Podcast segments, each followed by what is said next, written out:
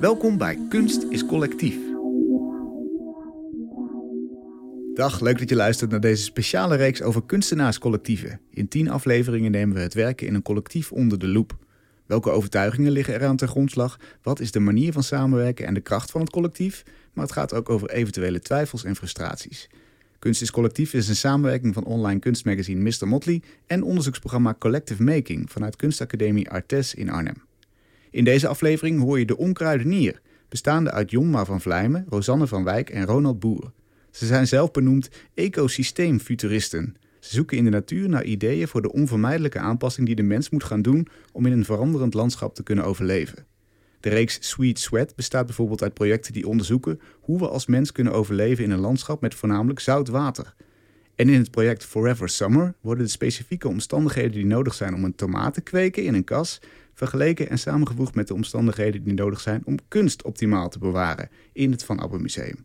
Welkom Rosanne, Jon, Mar en Ronald. Leuk dat jullie er zijn. Ja, te gek. Dankjewel. Dankjewel.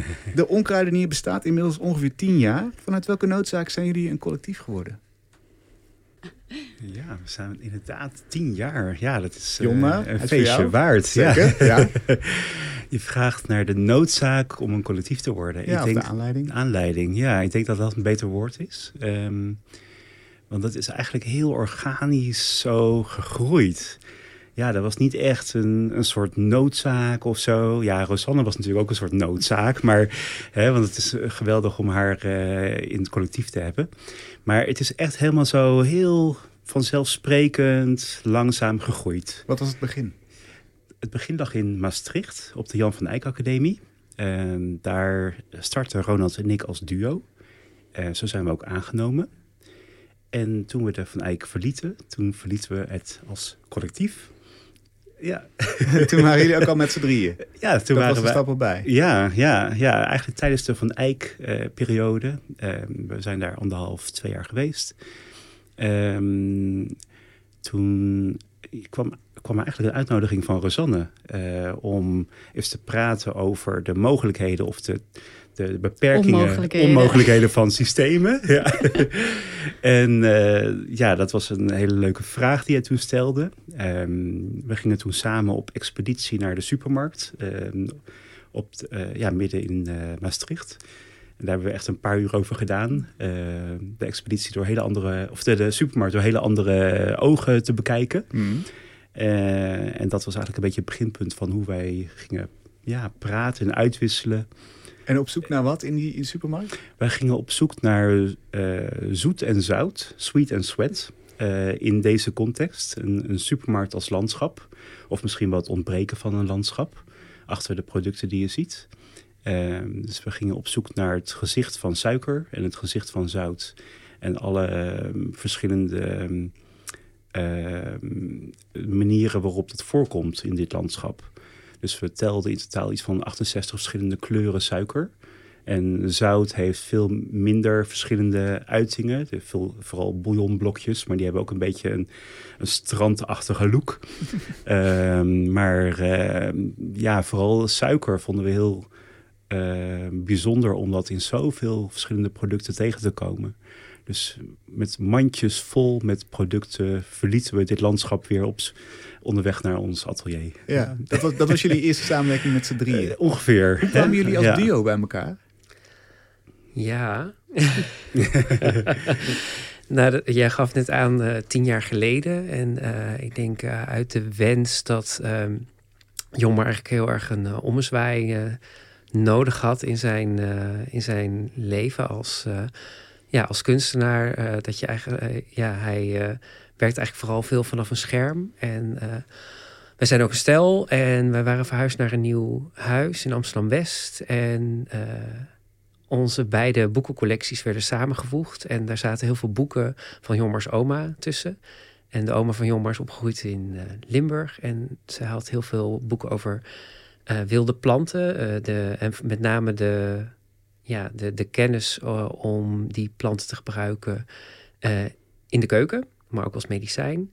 En ja, je stelde mij de vraag van... dat is toch eigenlijk heel raar... dat we wonen nu in, een wijk in Amsterdam... met misschien wel zeven supermarkten op loopafstand. Denk eigenlijk, als je eigenlijk ja, nadenkt over je dag tot dag uh, voedselvoorziening en wat je eet. Je hoeft eigenlijk niet eens na te denken. Het is zo goed voor je vormgegeven dat je ja, bijna gedachteloos kun je eigenlijk alles uh, tot je krijgen. En uh, op dat moment zei hij van laten we met de boeken van oma eigenlijk de stadsnatuur onder, onder de loep nemen en dat gaan bekijken. En toen gingen we eigenlijk met een, met een mandje gingen we het Westerpark in. En toen kwamen gezellig. Het was heel gezellig. Het was ook hilarisch, omdat ja, mensen ook echt eh, heel ons een beetje met een raar oog aankeken. Omdat we in dat mandje, we vonden wilde uh, pastinaken, wilde asperges. Je zag gewoon dingen uit de grond gaan plukken. Ja, en oregano. we vonden eigenlijk van allerlei dingen. En daar zijn we eigenlijk in eerste instantie ja, de, de keuken omgetoverd als een soort laboratorium of testomgeving. En toen moest de slaapkamer eraan geloven. Daar gingen allerlei dingen, werden daar gebrouwen. En ehm, dat stond dan s'nachts ook allemaal te pruttelen en geluid te maken. En ehm, ik denk tien jaar geleden kregen we uitnodiging van een curator uit het Amstelpark van Zone to Source, Alice Smit. En zij uh, vroeg van, willen jullie tijdens de opening van mijn nieuwe projectruimte iets doen of laten proeven? En uh, dat heeft Jomar toen echt met uh, veel enthousiasme aangegrepen. Um, om daar eigenlijk rondom de galerie en het glazen huis eigenlijk in een straal van zo'n 50 of 100 meter eigenlijk alles wat eetbaar was te verzamelen en daar eigenlijk een heel uh, smakenpalet mee samen te stellen. En dat, dat, ja, wij waren eigenlijk een beetje ondersteunend tijdens die opening. En dat sloeg in als een bom. Gewoon mensen waren zo achterover geslagen dat waar ze overheen gewandeld hadden, of waar ze eigenlijk na het, ja, de bossage waar ze naast stonden, dat daar eigenlijk allemaal eetbaars te vinden was. Dus dan krijg je gelijk de vraag: wie zijn jullie? Hoe heten jullie? Uh, doen jullie dit vaker? Kan, ik, hmm. kan ik jullie ook uitnodigen? Jullie waren ineens een jullie geworden. Ja, en, eh, ik dacht van: ik sta hier gezellig, eh, een soort uh, beetje onze uitlaatklep of hobby. we doen dit voor leuk voor, voor Alice, die we ook kennen. En dus toen gaf dat volgens mij heel veel stof tot nadenken, vooral bij Jomar, om te zeggen: hier moeten we iets mee. En ja, Jommer is dat heel erg uh, gestaag gaan uitrollen. En uh, vooral ook um, ja, eigenlijk die, die kennis die omsloten zit in uh, de stadsnatuur, die in boeken zit, maar ook in andere mensen, om dat eigenlijk met elkaar collectief te gaan delen en te gaan onderzoeken. en dat groeide en groeide en groeide maar. En ik bleef zo op de achtergrond lekker helpen en ondersteunen. Totdat het kantelpunt kwam dat ik ook niet meer tegen hem kon zeggen: Ik help je alleen. Want hij, wil, hij had echt hulp nodig. Dus in 2000. 16 begon Jon eigenlijk meer meer zo te vragen van... Ga dit vaak, uh, ik ga dit vaker doen, ik wil dit voltijd doen... maar dan moet jij ook met mij dit gaan doen. Ik wil dit samen met jou doen. ja. Nee, ga je maar iemand anders zoeken. Waarom? ik dacht, ja, nou, Jomar is mijn partner. Dus dan dacht ik van ja, als je met je partner gaat samenwerken en dan ook nog in de kunstsector. Nu, uh, als het een keertje bij mij goed ging, dan kon, kon Jomar een beetje profiteren dat als het misschien bij hem niet zo goed ging, dan wielden elkaar altijd zo lekker in balans. Of, mm. nou, of financieel of op ontwikkelingsniveau. Het was altijd een goede balans. En ik dacht, ja, dat wil ik ook niet kwijt. Maar ja, ik dacht ook van ja, waar ben ik nou eigenlijk bang voor? Ik, ik weet eigenlijk helemaal niet, als, als, als ik het niet probeer, weet ik het ook niet. Dus uh, in 2016 heb ik gezegd, dat is goed. Maar dan gaan we wel projecten groter maken. Dus dan heb ik gezegd, uh, we doen dit onder de voorwaarde dat we dan uh, een paar projectaanvragen doen. en ik wist uit ervaring met mijn, het werk, ik werkte ook bij een ander, ik was onderdeel van een ander collectief in Den Haag, de satellietgroep. Um, en ik wist gewoon uit ervaring van je moet dan aanvragen doen. Als je heel veel aanvragen doet, dan werkt er misschien één. Dus ik zei, als er eentje doorgaat, dan gaan we door. De Van Eyck was daar een, eh, eentje van. Een binnenland atelier van het Mondriaan Fonds. Een project op Terschelling. Uh, en een project in Amsterdam. En alle vier gingen door. Kijk. En toen dacht ik van, oh, hier kan ik dus eigenlijk niet meer omheen. Ja. nou, nu moet ik ja zeggen. Moet je dan afspraken maken? Want je zei het al, we zijn partners, we gaan ook samenwerken. Dan ben je, is een risico bijvoorbeeld dat je non-stop over werk aan het praten bent, stel ik me zo voor. Ja. Zijn er regels geschapen op dat moment waarvan je dacht, zo gaan we het doen, anders werkt het niet? Ja, ik denk dat wij nooit zo heel erg van de regels oh. zijn. ik denk dat we daarom ook heel blij zijn dat we nu een collectief zijn met drie. dat dat ook uh, eigenlijk heel fijn is. Dat we eigenlijk uit die samenwerking tussen ons beiden... dat dat eigenlijk ook. dat, ja, als je naar de Van Eyck gaat, dan kun je ook echt vol tijd jezelf helemaal onderdompelen. En ik denk dat het dan bewust of onbe ja, of, ja, dan misschien onbewust, maar denk ik dat we ook wel heel erg zochten naar een soort ja, een, een dynamiek of een verbreding uh, van de onkruidenier. Juist uh, om dit te voorkomen, dat je niet en partner bent en uh, samenwerkt en alleen nog maar op hetzelfde spoor zit. Op hetzelfde spoor zit. Ik denk dat ik dat echt wel heel erg ehm, nodig had om dat niet te hebben de hele tijd. Ja. Maar... Nog andere regeltjes voordat we naar jou toe gaan? Want jij was het de gewenste verbreding. Nog andere dingen? Hoe, hoe, hoe, pak je dat goed aan als je uh, samen bent? Nou, ik denk dat, ik denk dat um, de werkperiode op de Jan van Eyck uh, wel ideaal was. Want het, het gaf tijd en ruimte uh, en een atelier en een beurs. Um, helaas maar voor één persoon, terwijl we met z'n tweeën waren. maar goed, het was wel ideaal om gewoon echt een jaar, anderhalf zoiets de tijd te hebben om samen ook na te gaan van oké, wat betekent onze samenwerking?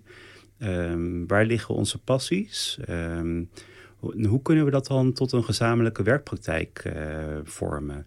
Dus dat, dat konden we echt in Maastricht goed, uh, goed ja, doorontwikkelen. Ja. En uh, laten we nou een bruggetje naar Rosanne maken. Dat vind ik toch wel heel leuk. Wat voegde Rosanne toe? Allereerst, jij kwam met een vraag inderdaad, hè? Ja, dat klopt. Een inhoudelijke vraag eigenlijk. Ja, dat vond ik zo mooi aan het zijn op de Jan van Eyck. Dat je ja, zoveel ruimte en mogelijkheden hebt om uh, samen te werken en te ontmoeten en te leren van andere disciplines. Uh, ik had daarvoor mode gestudeerd en uh, wat dat betreft was het niet echt voor de hand liggend dat ik heel kort daarop vanuit nou ja, mijn bachelor naar de Jan van Eyck was gegaan. maar ja, gelukkig heb ik die kans gekregen. En mijn motivatie was ook om van andere disciplines uh, te willen leren. Omdat ik voelde dat ik een beetje vast zat in het systeem van mode. Of in ieder geval als je weet dat een systeem niet goed werkt. En nou ja, wat voor uh, grote vraagstukken en zwaartes daar allemaal aan kleven. Hoe moet je je daartoe dan verhouden? Zo'n dat... vervuilende mode-industrie bedoel je Exact, ja. ja. Ja, de, de, niet alleen vervuilend, maar ook inderdaad de ontzettend erbarmelijke werkomstandigheden. Waarin mensen nou, onze kleding produceren. Ja, dan is het heel, uh, vind ik... Uh, ingewikkeld om dan als ontwerper aan de slag te gaan. En uh, ja, je kan natuurlijk daarin zoeken naar andere manieren. En er zijn ook heel veel mooie mensen die dat doen. Maar dat, dat, daar lag eigenlijk niet meer interessegebied. Meer van, hoe werkt dat eigenlijk? En waarom blijven we maar in die flow doorgaan? Ja, en op de Van Eyck hadden we dan een kookdienst op de woensdagavond. Dat we um, met elkaar aten. En je deed een presentatie over je werk. En uh, ja, ik vroeg me af van kan je die twee ook combineren? Een presentatie en uh, het diner tot één performance uh, over voedsel en het voedselsysteem eigenlijk. En uh, de, nou ja, iedereen verwachtte toch elke woensdag wel een lekkere maaltijd. En iedereen had zijn eigen behoeftes daarin. En nou ja, we zaten altijd met elkaar aan tafel, met bestek. Dus ja, kan dat ook anders? En hoe werkt dat dan? En ja, vanuit het idee dat ik dat sowieso nooit in mijn eentje zou kunnen. En ook in, in die zin helemaal niet zo thuis was in het voedselsysteem, maar wel overlap zag.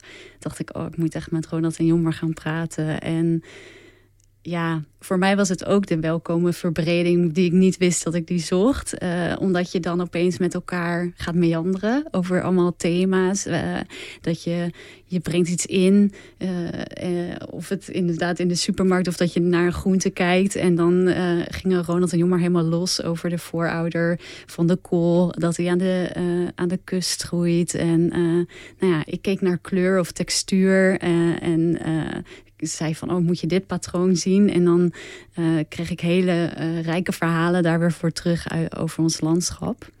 En um, ja, daar, daar zat zoveel in dat uh, ja, we elke keer weer ja, gelegenheden zochten om weer daarover verder te praten. En ja, het was echt te gek dat Rodat en Jong de, aan de hand daarvan in onze eerste ja, performance. Want ik, ja, ik was wel thuis in, in met textielwerk of uh, inderdaad kleurpatronen. Maar ik vond het idee van performance en hoe handelingen, als je daar inderdaad uh, veel nadruk op legt of ja, dat het performatief wordt en, en belangrijk.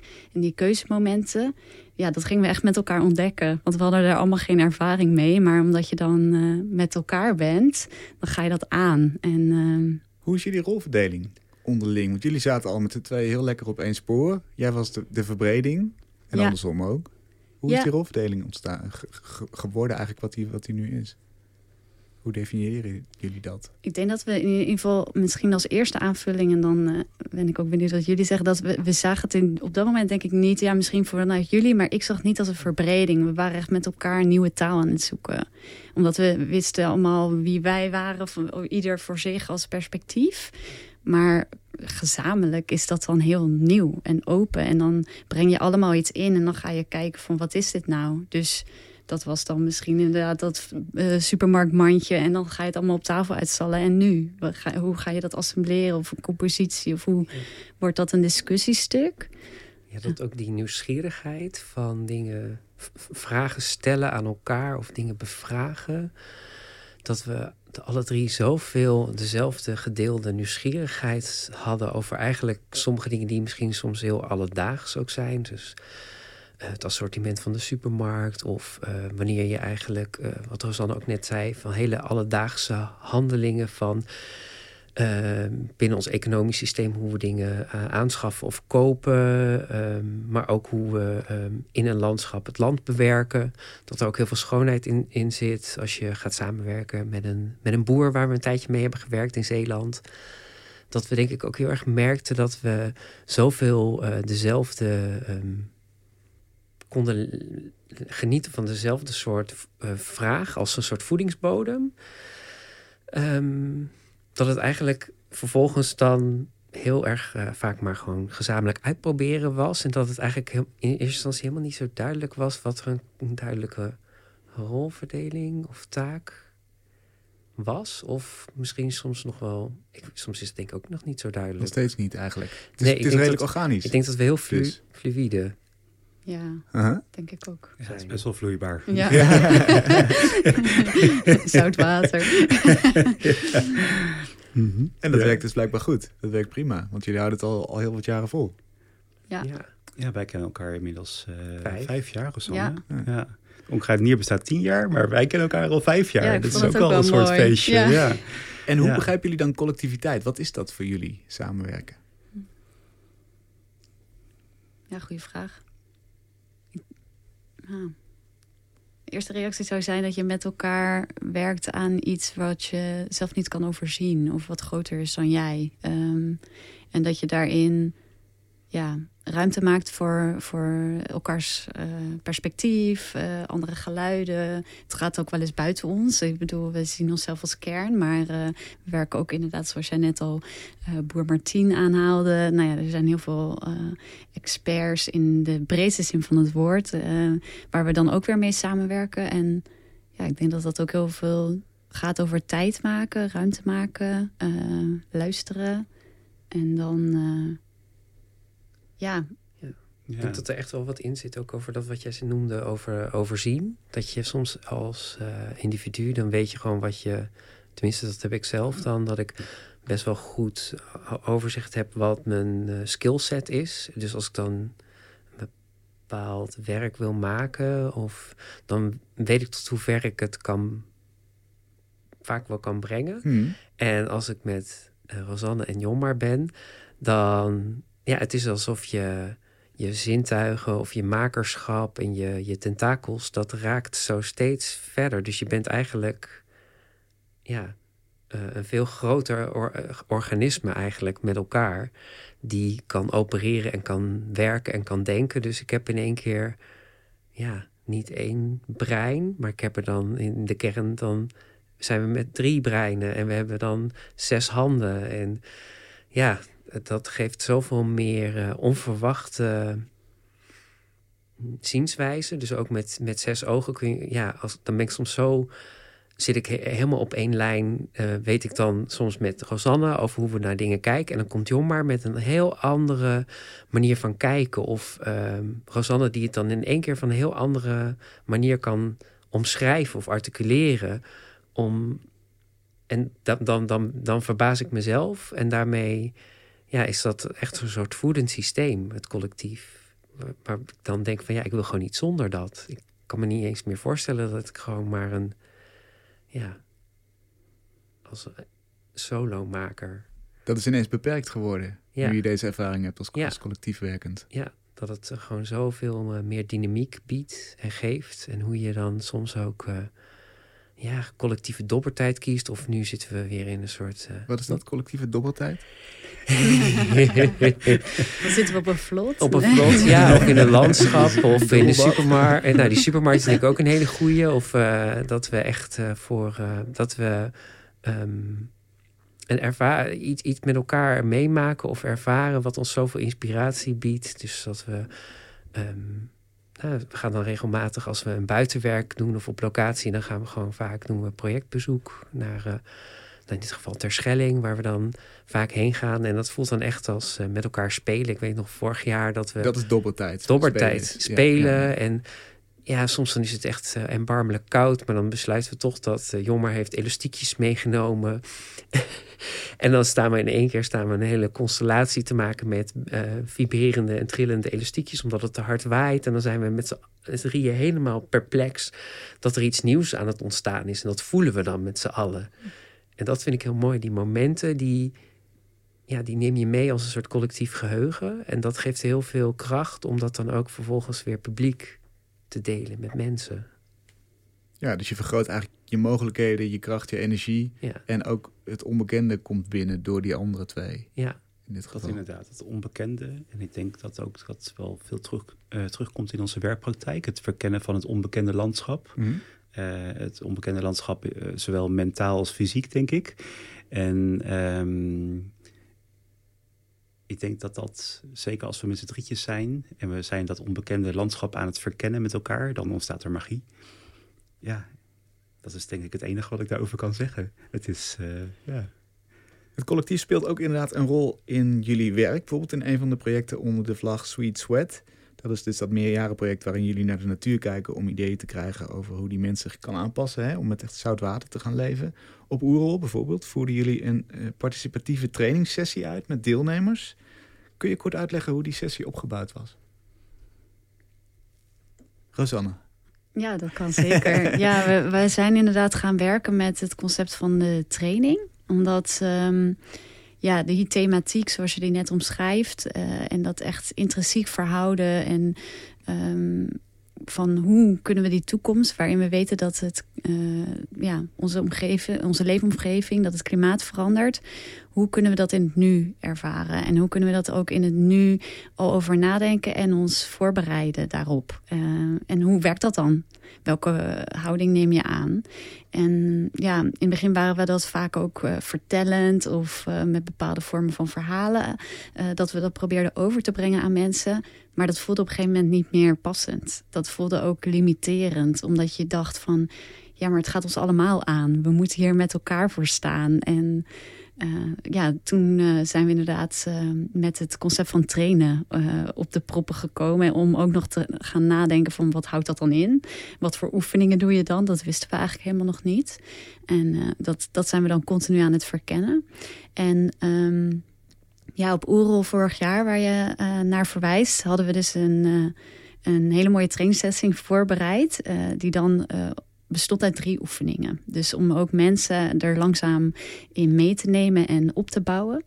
En um, ja, we begonnen eigenlijk... Uh, we hebben een hele fijne uh, plek uh, op Oerol... omdat we hebben een langdurige samenwerking met, met het festival... waar we heel blij mee zijn en trots op zijn. En onze ideale testomgeving is de Kleiplak. En dat is een locatie aan het eiland dicht bij de haven. En het is een beetje een ja, tussengebied. Inmiddels is het helemaal verder ontwikkeld. Maar toen wij er voor het eerst kwamen... toen was het echt een beetje niemands land en een kleidepot. En ja, voor ons het ideale gebied om mensen mee te nemen het wat op eigenlijk. En we begonnen wat meer uh, ja, echt in het zand met een luisteroefening. En uh, we vroegen aan mensen om eigenlijk met uh, hun vingertoppen op het zand te doen alsof hun oren aan hun vingertoppen verbonden zaten om te luisteren wat er onder hun gebeurde.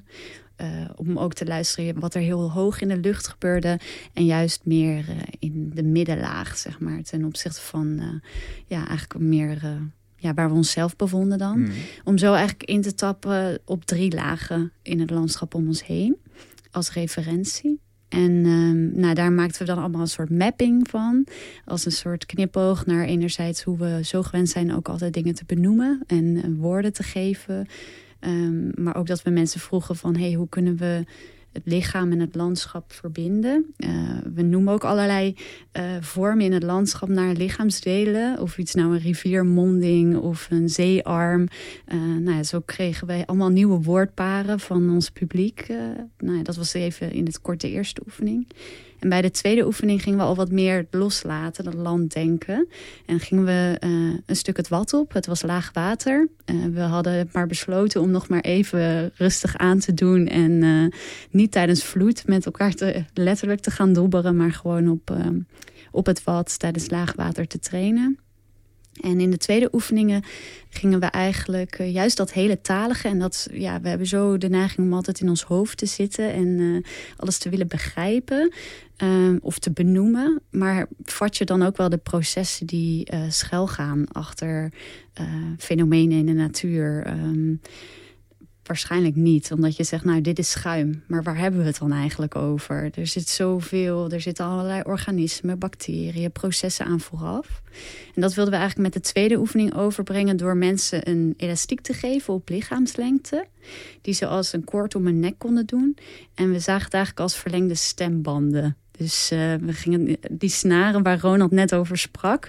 Toen, ja, inderdaad, in ons vooronderzoek waren wij helemaal verbaasd over de wind en hoe, wat voor geluiden daaruit kwamen. En dat werd eigenlijk een, een, een geluidsoefening waarin we met, uh, ja, met uh, de groep eigenlijk een groot polyfonisch organisme, ook een soort collectief werden. Ja.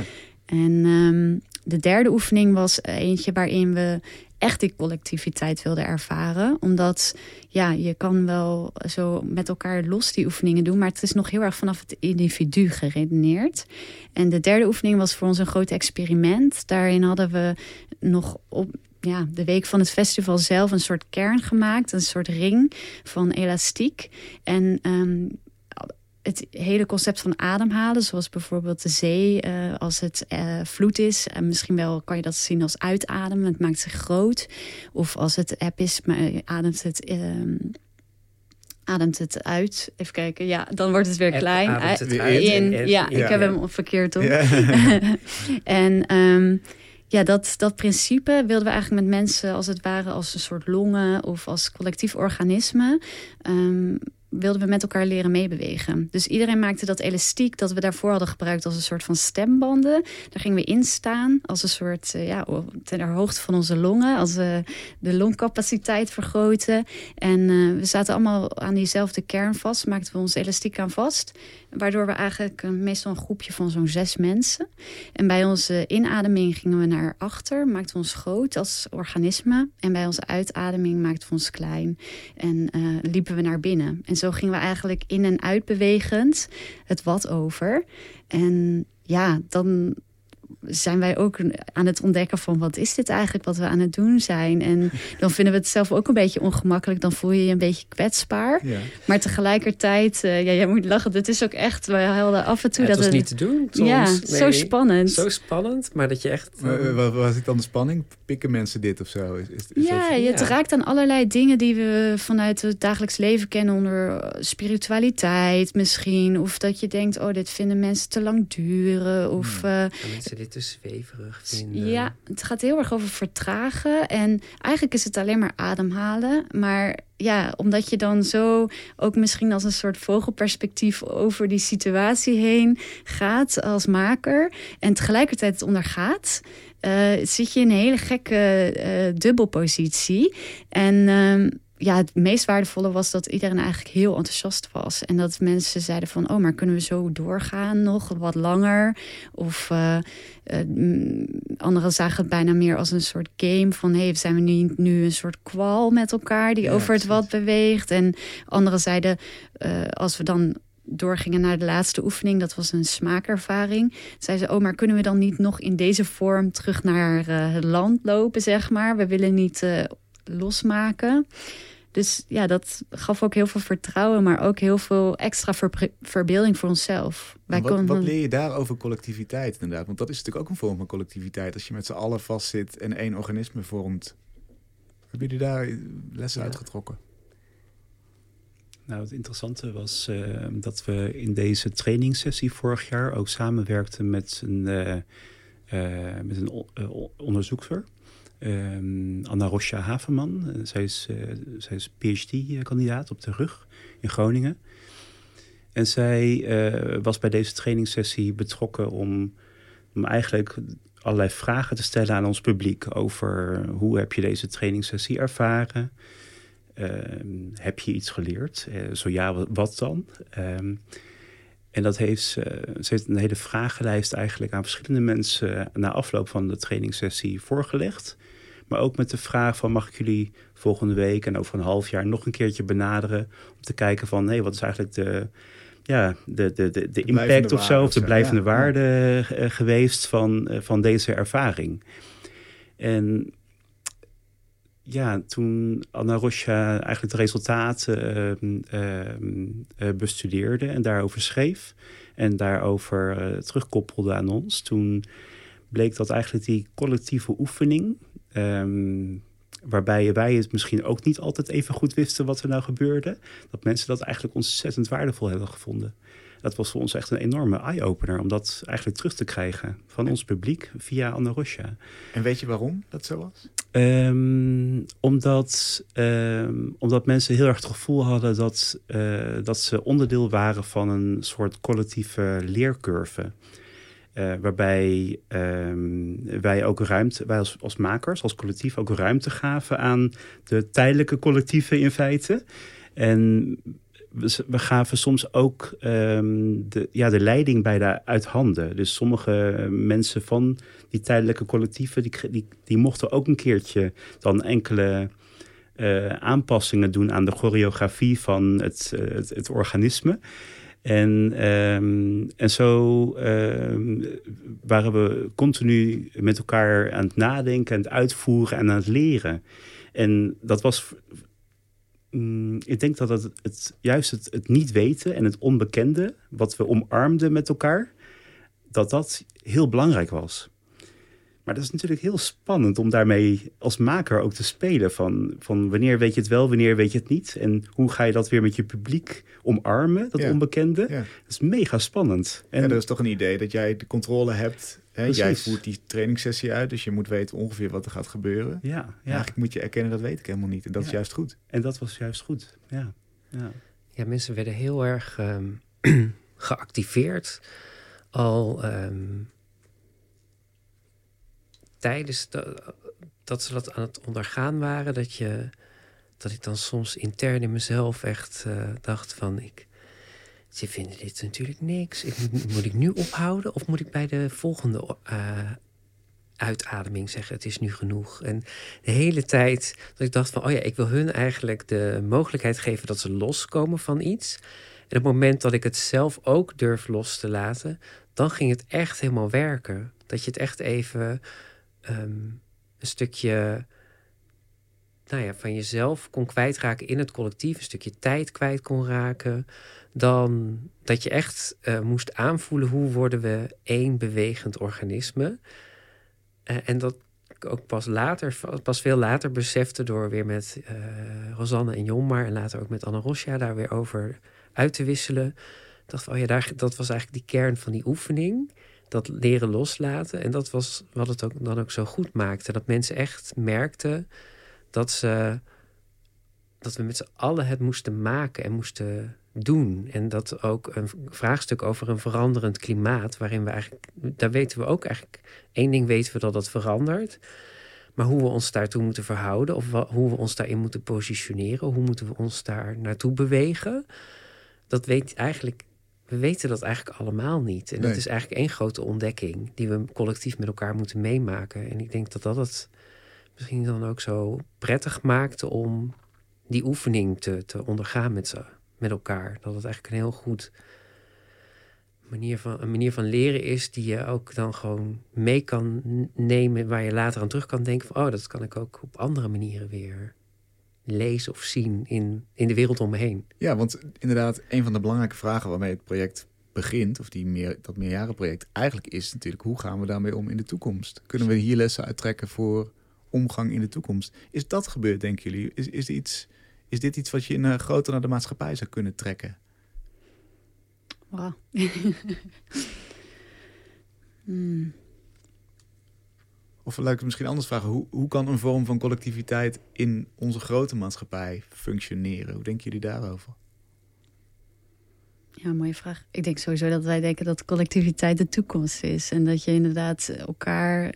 Nou ja, we hebben denk ik al net eh, eerder al vanuit allerlei uh, perspectieven belicht hoe, hoe goed en, en, en, en inspirerend wij het vinden. En uh, kijk, we kunnen natuurlijk ook niet ontkennen dat het. Uh, dat het tijd vraagt en moeite vraagt. En dat je veel, vooral ruimte moet maken om, inderdaad echt te luisteren. Uh, dat was inderdaad ook bij die oefening. Als je dan aan iedereen vroeg van... Hey, hoe vonden jullie nou deze eerste sessie van ademhalen? Want dan deden wij het, het voortouw nemen. Dan zei iemand wel eens... nou, dit gaat mij te snel. Mijn ademhaling is veel trager. Ja, dat, daar, daar moet je dan ruimte voor maken. En ja, dat bracht ons dan iets. Omdat hij... Dan zei ik, oh, wil jij hem voor doen dan? Dan gaan we jouw ritme volgen. En dan, ja, daar leerde ik weer van. Maar dat houdt wel in dat... Uh, nou ja, als we dan weer terug verwijzen naar systemen en de vele systemen die we met elkaar hebben gebouwd, die over efficiëntie gaan en optimalisatie. Ja, dan moet je wel heel wat uh, nou ja, randjes even wegduwen en, en ruimte maken om, om dat te kunnen doen. Dat is, ja, het, denk uiteindelijk zijn we, zijn we snel en hebben we inderdaad zes handen.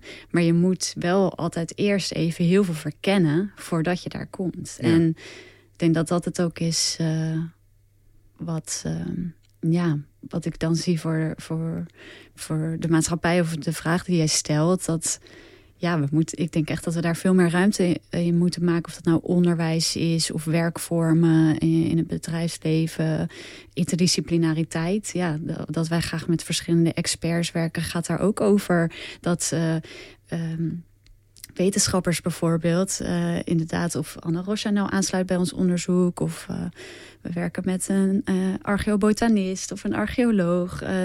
ja, iedereen vindt dat dan heel waardevol, omdat je daarin um, je eigen werkgebied en vakgebied van een andere kant kan bekijken.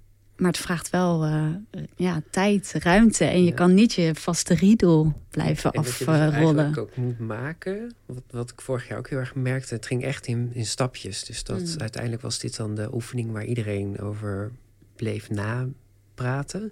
Die bleef echt bij.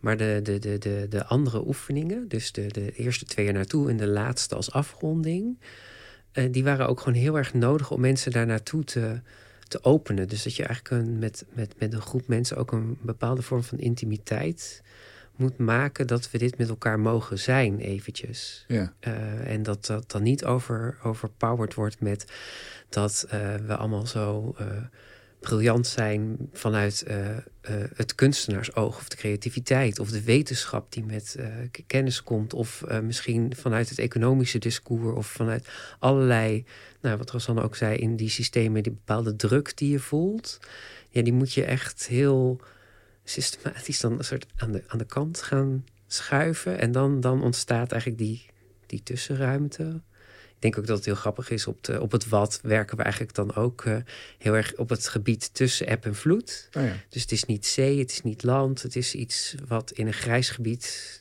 Nou, het is in dit geval ook veel modder, veel grijs modder. maar een ecotoon, dus het zit echt tussen zoet en zout in. Het, zit, het is echt een soort tussenwereld waarin wij dan, ja, heel even die, die wereld willen openen. En waarin de posities dus gelijk zijn. Dat is essentieel als ik je goed beluister. Ja, die intimiteit en die gelijkwaardigheid is dan echt nodig tussen ons als maker en het publiek.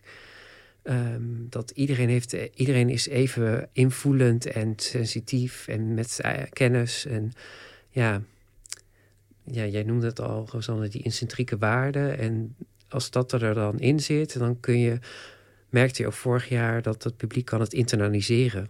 Die, ja. het, het, het wordt echt onderdeel van je. Dus dat het de vorm van denken gaat echt in je lichaam zitten. Maar hoe krijg je dat nou op een maatschappelijk niveau voor elkaar? Want daar hebben we natuurlijk al die posities en heeft iedereen zijn eigen apenrotsje hmm. ja, dat is en, heel, zijn eigen kennis. Heel lastig. Ja, ik denk dat, uh, dat je daarin, uh, nou ja, zeker als klein collectief, dat we daar kleine stapjes in kunnen zetten. Um, kleine speldenprikjes kunnen doen. Um, ik denk uh, dat als ik terugkijk naar deze specifieke oefening op, op Google vorig jaar Ehm, in ons uh, publiek zaten een aantal mensen die ook werken voor een waterschap bijvoorbeeld, of bij de overheid, uh, ministerie. Um,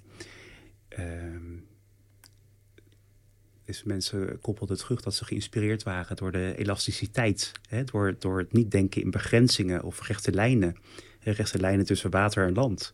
Hè, of uh, rechte lijnen tussen je lichaam en je leefomgeving. Of uh, dat soort zaken. Ja, dat deze mensen ook geïnspireerd raken door dat elastische denken. Wat we tijdens deze oefening echt omarmden. En nou, uh, dat we dan ook hoorden van, nou ja, misschien moeten we vanuit het waterschap dit collectief een keertje uitnodigen om een sessie te doen met, met onze collega's.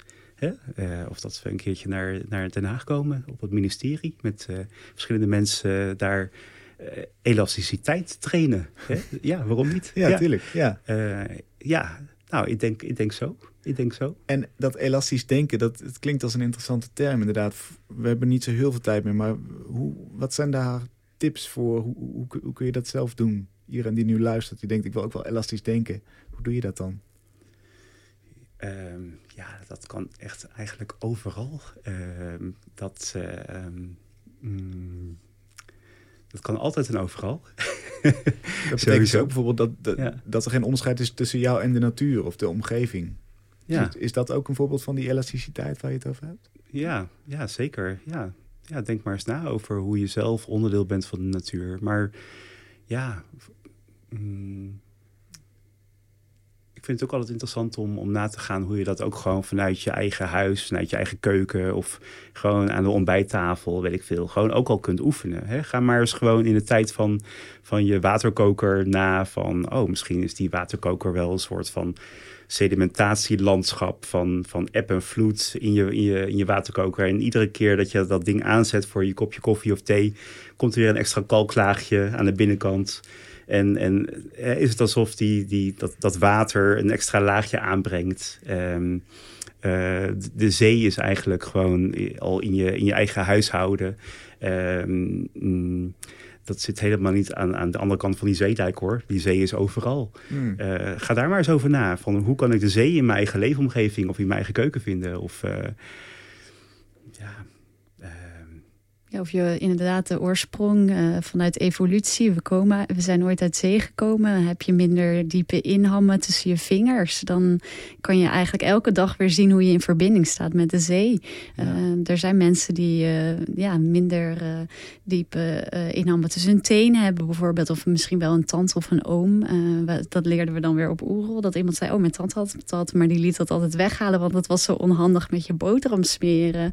Maar dan zeiden wij, ja maar je hebt een evolutionaire voordeel voor de toekomst. Uh, met nu de zeespiegel stijgt. En je bent eigenlijk al misschien wel weer aangepast. Om, om, om vliezen tussen je, tussen je vingers te hebben. Of exact. Je ja. ja. ja, En in die zin ook, ja, het is ook de, vanuit verbeelding die verbinding zien met je om, leefomgeving. En alles is continu aan het veranderen. Het is niet statisch. En dat is ook wat wij dan met een elastiek proberen voor, te laten zien. Maar ja, je kan ook. Uh, nou, recent hebben we een hele mooie uh, kalender ontwikkeld uh, vanuit ons project uh, De Schaduwtuin in het Amstelpark. En dan gaat het ook over ja, plant- en tijdlijn. Of, of je nou een zaadje plant nu en je probeert die elke keer te volgen En dan gaat het niet over de data per se of de, over, of de tijd vanuit uh, je horloge. Maar echt van welke groei zie je ontstaan. En wat voor tijdlijn ontvouwt zich voor jou. En wat leert je jou over je omgeving. Dus het kan heel klein zijn. En het kan ook inderdaad zowel buiten als binnen.